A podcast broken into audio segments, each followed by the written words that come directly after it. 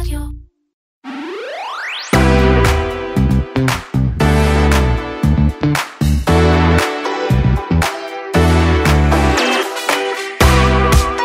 האם מדיניות שנהייתה פופולרית לאחרונה של מתן חופשה ללא הגבלה לעובדים זה כזה חלום, או שאולי בעצם זו דרכם של מעסיקים אה, לצמצם את ימי העבודה שעובדים לוקחים? נדבר על זה עם אה, כתבת כלכליסט מעיין מנלה. וגם צניחה משמעותית במניות מטא לשעבר פייסבוק בעקבות דוחות לא הכי ורודים, מביאה שוב את הטענה שהחברה בסוף דרכה ושהנה הנה טיק טוק באה ומתנקשת בה. האם זה נכון? נדבר גם על זה. אתם מאזינים לקוקיז, פודקאסט הטכנולוגיה וההייטק של כלכליסט. אני שירלי זינגר. ואני עומר כביר, מתחילים.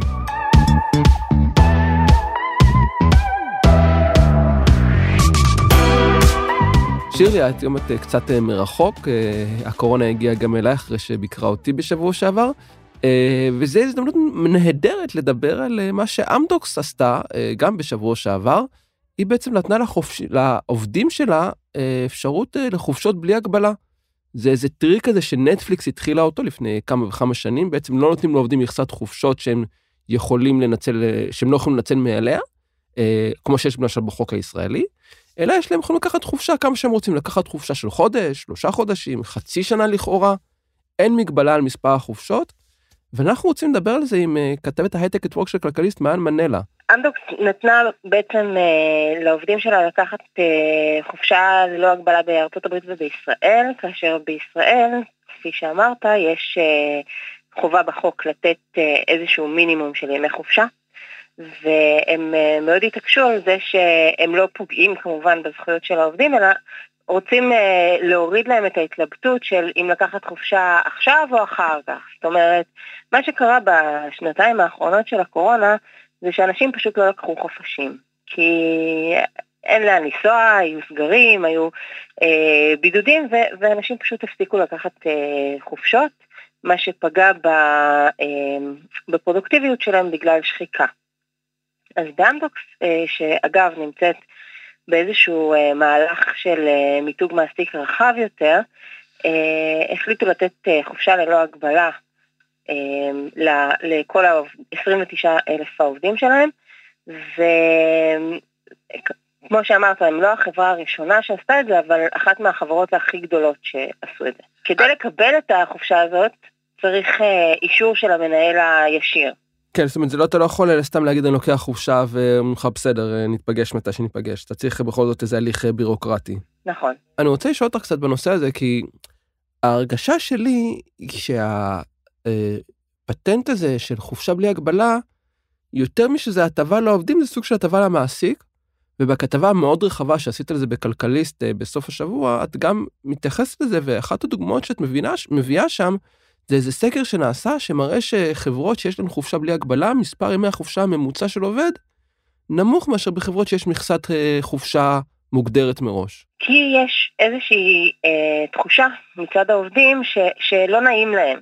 כאילו, אתה יכול לקחת חופשה ללא הגבלה, אבל אף עובד לא לוקח חודשיים, ואם כל התרבות של החברה וכל המדיניות היא של עבודה 24 שעות, 7 אה, ימים בשבוע ו, ולחץ של דדליינים, אז הרבה מהעובדים פשוט, כאילו, זה האחריות שלהם עכשיו, אין להם את, ה, את המינימום שקבוע או המכסה שקבועה, ו, והם פשוט לא לוקחים חופשים. אה, יש דרכים להתגבר על זה, זאת אומרת, אם יוצרים תרבות ארגונית שבאמת באמת מעודדת אנשים לקחת חופשים, ומנטרים את זה ומתריעים בפני עובדים שהם לא לקחו חופש, וכן אה, אה, ההנהלה גם נותנת דוגמה אישית ולוקחת בעצמה חופשים, אז כן אפשר ליצור מצב שבו אנשים מנצלים את ההטבה הזאת. אבל באופן כללי, לא בטוח שזאת כזאת הטבה שווה. במיוחד בישראל כשיש משמעות כלכלית מאוד גדולה לעניין הזה של ימי חופשה. כי ברגע שעוזבים מקום עבודה וצברת ימי חופש שלא נוצלו, אה, מקבלים את, ה, את השווה ערך של זה בכסף. כלומר, אם יש לי ימי חופשה בלי הגבלה, בעצם אני לא צובר ימי חופשה, ואז אה, אין לי את הימי חופשה לפדות בסוף ה... כשאני עוזב את המקום עבודה.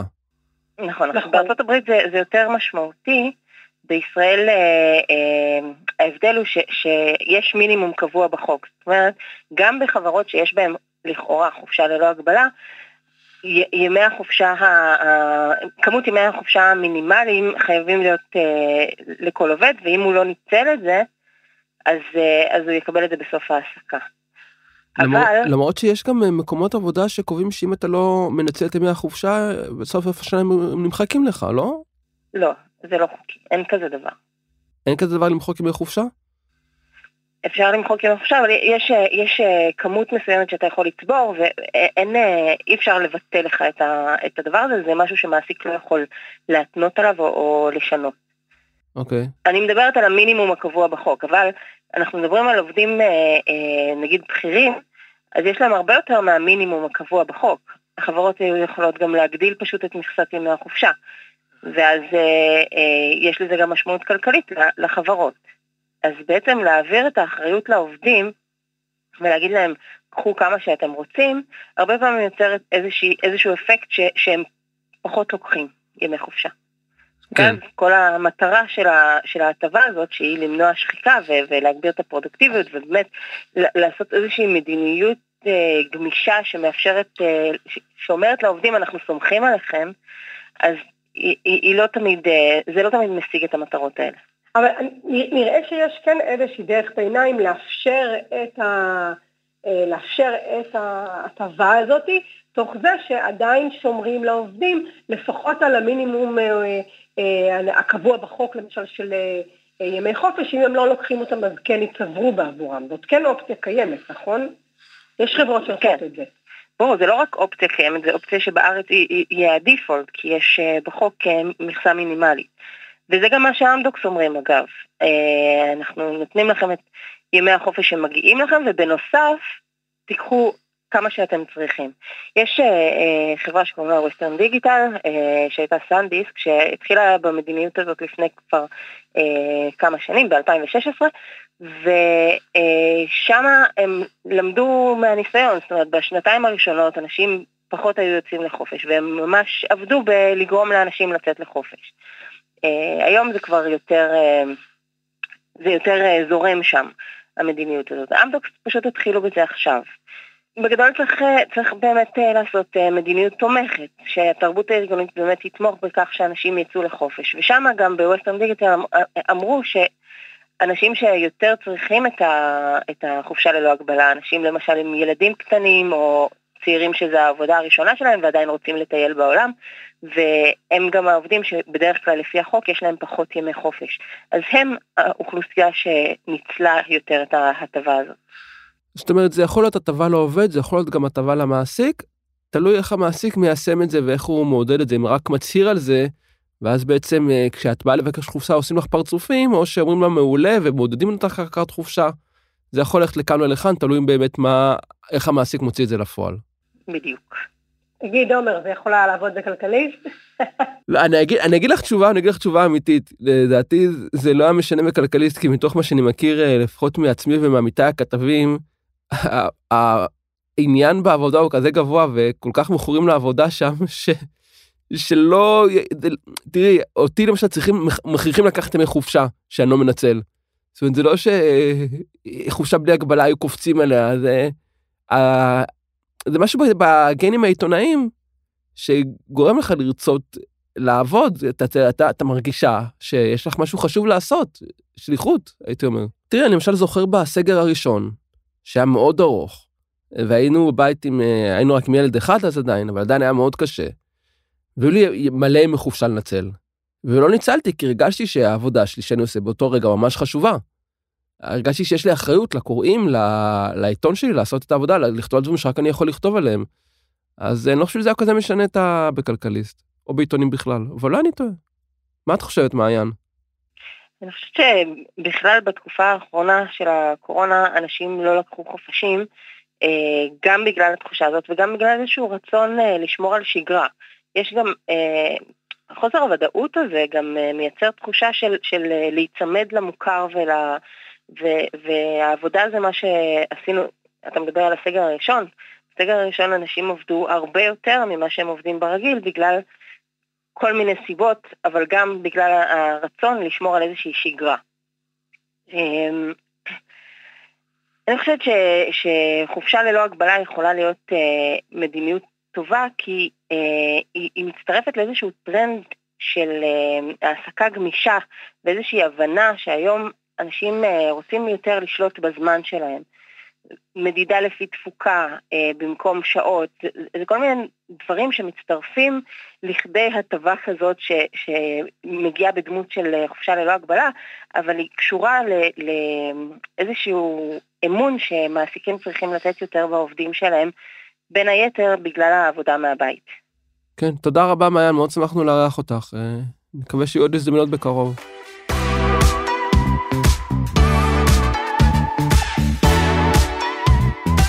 לקראת סוף השבוע שעבר, פייסבוק, אה, ידועה היום כמטה, פרסמה את הדוחות הרבעוניים שלה, אה, מה שהוביל לירידה אסטרונומית אה, בשווי שלה בבורסה, ירדה במשהו כמו 20 אחוז, וקולות רבים התחילו להספיד את החברה שאיבדה תוך יום חמישית משוויה.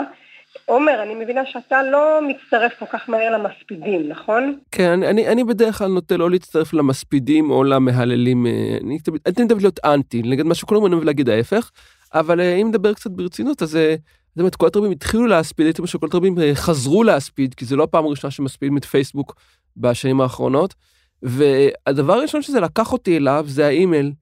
אם את זוכרת אה, לפני 15 שנה כשבדיוק נכנסו פייסבוק ורשתות חברתיות אחרות אה, כמו מייספיס נכנסו בגדול, התחילו לדבר על זה שאולי האימייל אה, מסיים את דרכו, אמרו שהצעירים לא באימייל, הם שרק רוצים רק פייסבוק ומייספייס, והנה האימייל כבר הולך למות ואו-טו-טו אנחנו כבר לא נשתמש בכל שירותי האימייל של הוטמייל ויאהו, שהיו זה דבר משמעותי באותם שנים.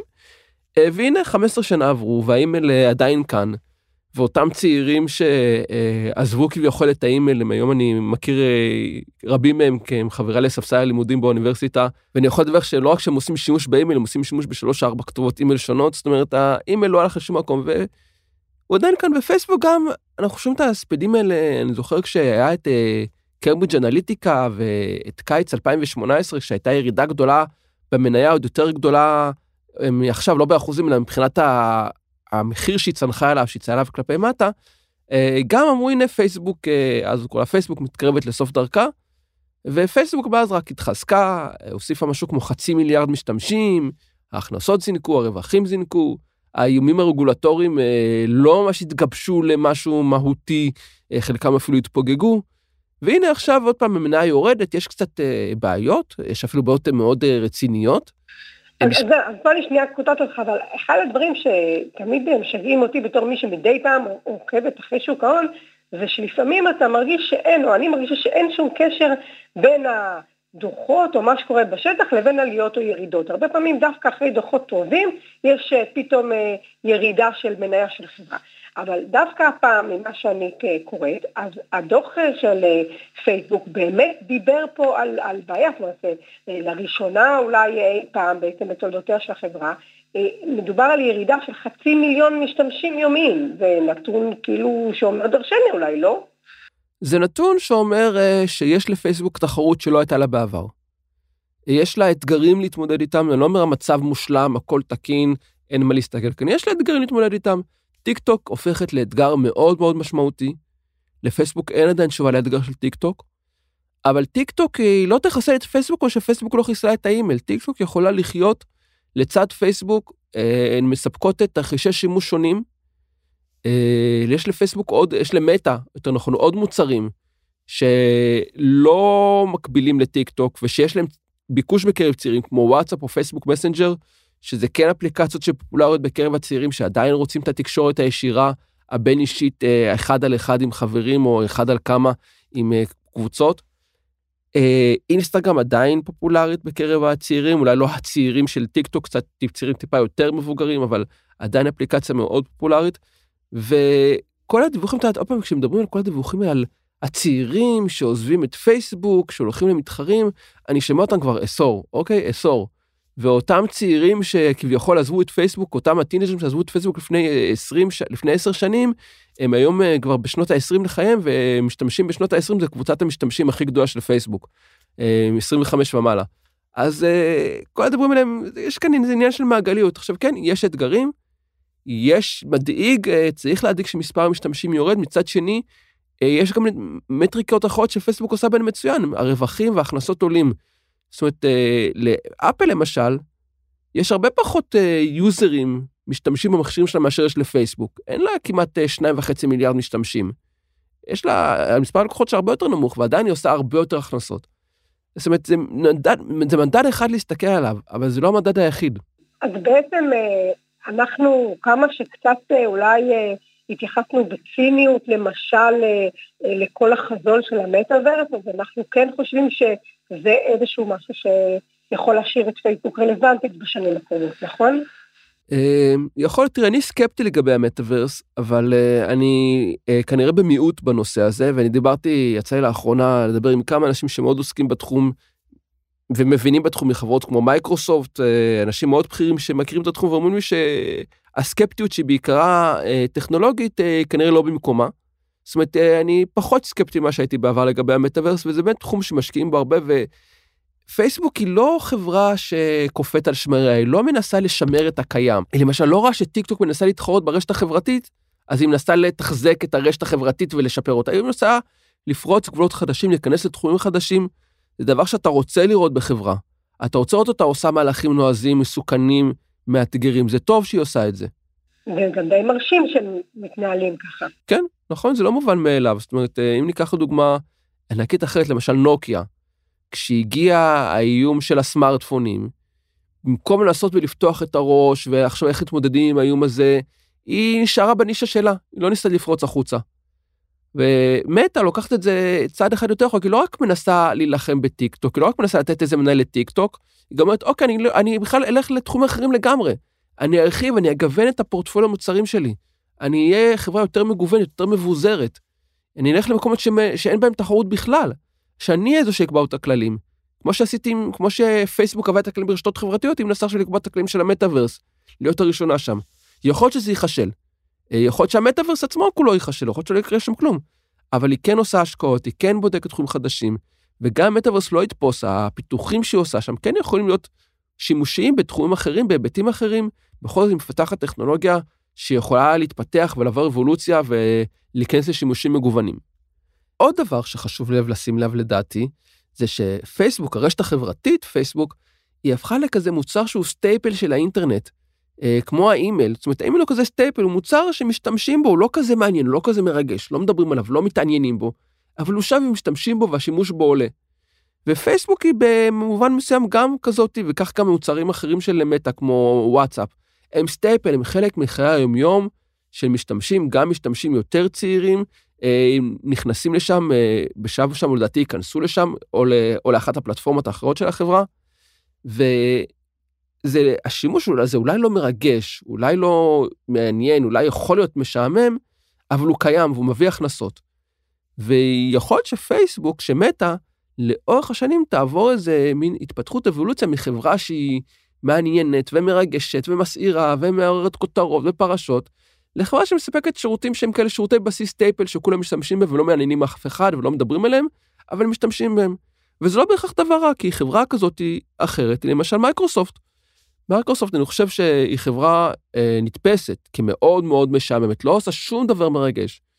לא כותבים על מייקרוסופט, אין כותרות על מייקרוסופט, אין שערוריות במייקרוסופט, אבל כולם משתמשים במוצרים שלה. שזה גם מאוד נוח לחברה, בטח בחברה כמו פייסבוק שסובלת כל כך הרבה במרכאות מביקורת ורגולציה וזימונים לשימועים בפרלמנט וכן הלאה. נכון, אז מייקרוסופט, כמו מייקרוסופט המוצרים שהם staple, הם בסיסיים, היא עושה מערכת הפעלה, משעממת שאף אחד לא מדבר עליה, והיא עושה תוכנות אופיס משעממות שאף אחד לא מדבר עליהן, והיא עושה תוכנות אה, עסקיות, אה, שירותים עסקיים ושירותי ענן משעממים שאף אחד לא מדבר עליהם, אבל השירותים האלה מכניסים מלא כסף.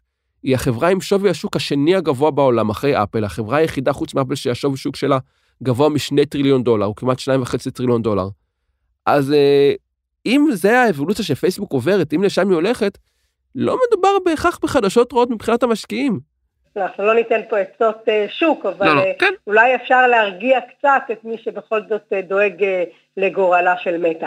כן, אני חושב... מתה עדיין לא מתה. מתה, לא מתה, אני לא חושב שהיא תמות בקרוב, אני חושב שיש לה אתגרים להתמודד איתם, יש לה גם את היכולת הכספית והטכנולוגית להתמודד איתם. היא התמודדה עם אתגרים מאוד קשים בעבר, ובינתיים צלחה את כולם בהצלחה. אה, לא הייתי ממהר להספיד אותה, אני לא חושב שהיא תיעלם.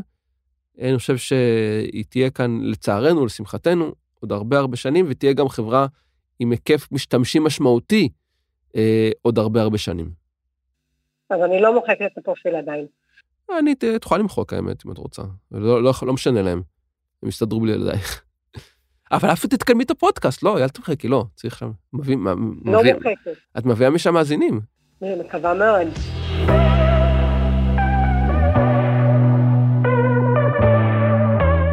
ומהקוקיז לקוקיות, עומר, מה ההמלצה שלך לשבוע? Uh, ההמלצה שלי לשבוע היא מאוד פריבילגית, אבל אני גם חושב שזה יתאים לקהל היעד של הפודקאסט הזה, אז אין לי בעיה לתת אותה, היא חופשת בידוד.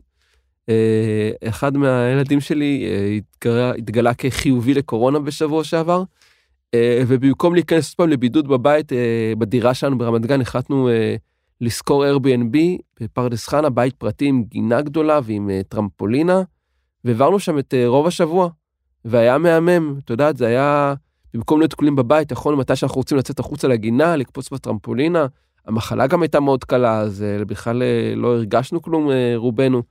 רוב ארבעתנו. וזה היה מצוין, זה היה הבידוד הכי טוב שלנו, והיו לא מעט אה, בידודים כאלה בשנתיים האחרונות. אה, חופשת בידוד, למי שיכול להרשות את זה לעצמו. אה, אני, זה, זה מאוד פריבילגי, כן, אבל... יכול להיות שאפשר גם בהחלפות בתים, ויכול להיות שאפשר גם לנסוע לחברים ובני משפחה. לא, זה לא חייב להיות דרך נכון, Airbnb. נכון, נכון, נכון, נכון. ושירלי, מה הקוקייה שלך? אז זה אולי אה, באותה אווירה, גם של אה, בידוד כפוי וגם של אה, קצת לנשום, לנשום אוויר, אז הבידוד, ההמלצה שלי לשבוע היא דווקא ליהנות מהמעט ירוק שאנחנו יכולים לארגן לעצמנו בבית, לזרוע או לשתול פרחים או איזה תבלין. אני, המרפסת שלי, יש לי בה אה, מאננסים ועד רקפות, זה באמת הרגעי אה, שמחה הקטנים שלי ביום, כשהמזג אוויר נחמד אלינו, קצת יוצאת לשמש, לפרחים שלי, לצמחים שלי, וזה נותן לי אפילו בלב לב העיר, איפה שאני חיה, קצת אה, אוויר ירוק לנשימה. זאת אומרת, עוד דרך אה, לה, לה, להקל על הבידוד שאנחנו... לגמרי, לגמרי. טוב, אה, אלה היו הקוקיות והקוקיס שלנו לשבוע. אני עומר כביר. אני שירלי זינגר. תודה לאופיר גל מסוף הסאונד סטודיוס. ואם אהבתם, חפשו אותנו באפל פודקאסט, אה, גוגל פודקאסט, ספוטיפיי, איפה שאתם מאזינים לפודקאסטים שלכם, והירשמו אלינו. להתראות בשבוע הבא.